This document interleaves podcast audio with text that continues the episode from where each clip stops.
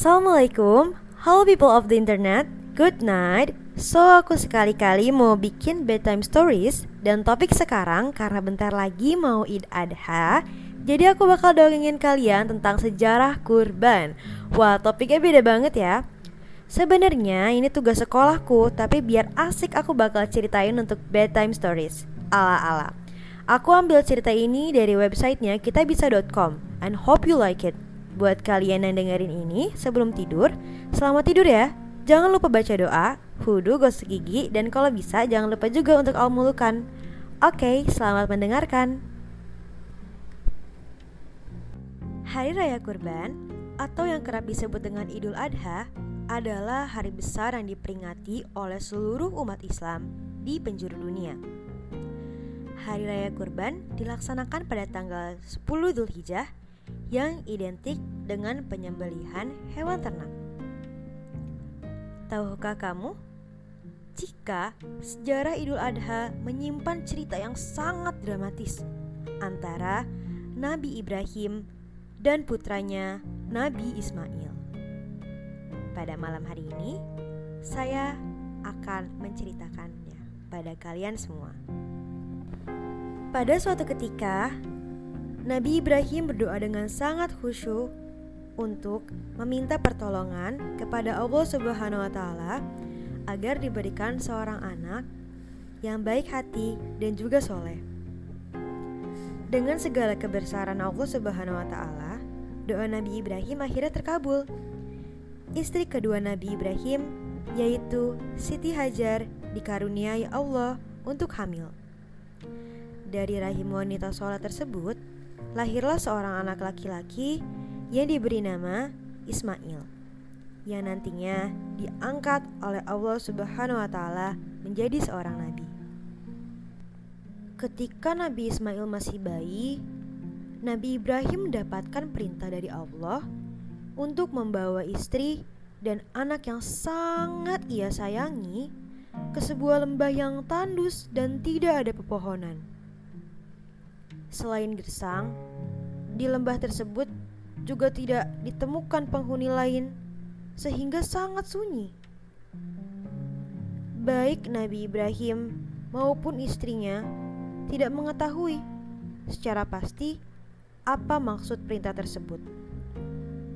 Namun, walau demikian, mereka tetap menjalankannya dengan penuh rasa ikhlas dan tawakal semata-mata karena Allah Subhanahu wa taala.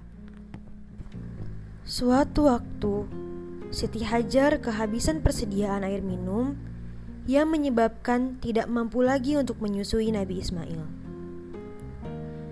Siti Hajar khawatir sampai-sampai ia berlari-lari kecil antara Bukit Safa dan Marwah sebanyak tujuh kali untuk mencari air demi bertahan hidup. Kemudian, datanglah pertolongan Allah Subhanahu wa taala melalui mata air Zam-Zam yang masih ada hingga kini.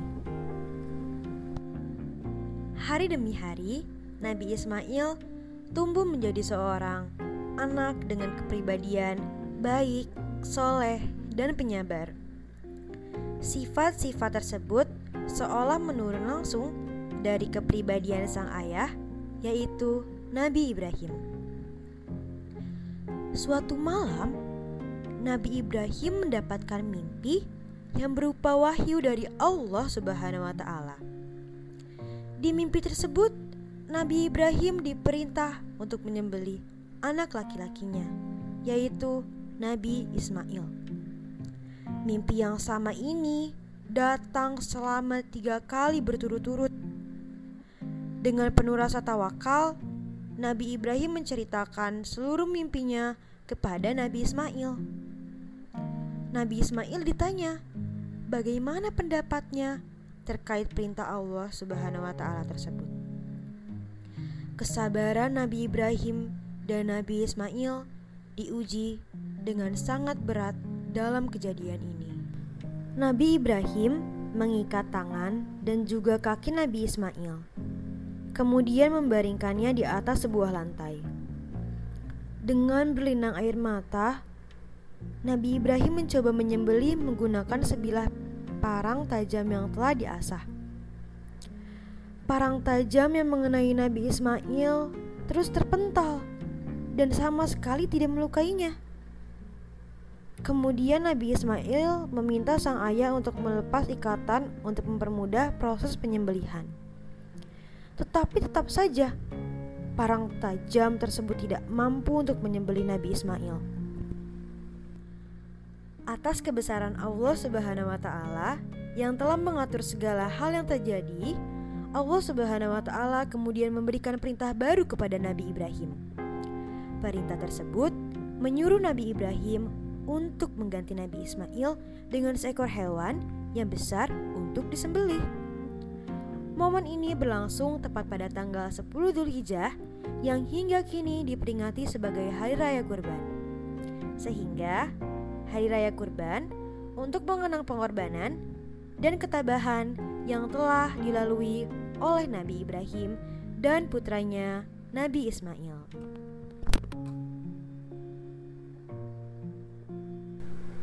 Terima kasih sudah mau menyimak episode di podcast kali ini. Aku harap kalian sudah tidur.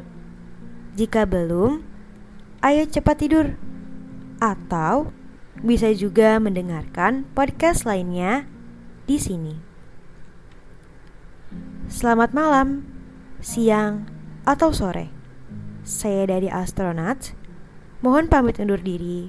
Wassalamualaikum.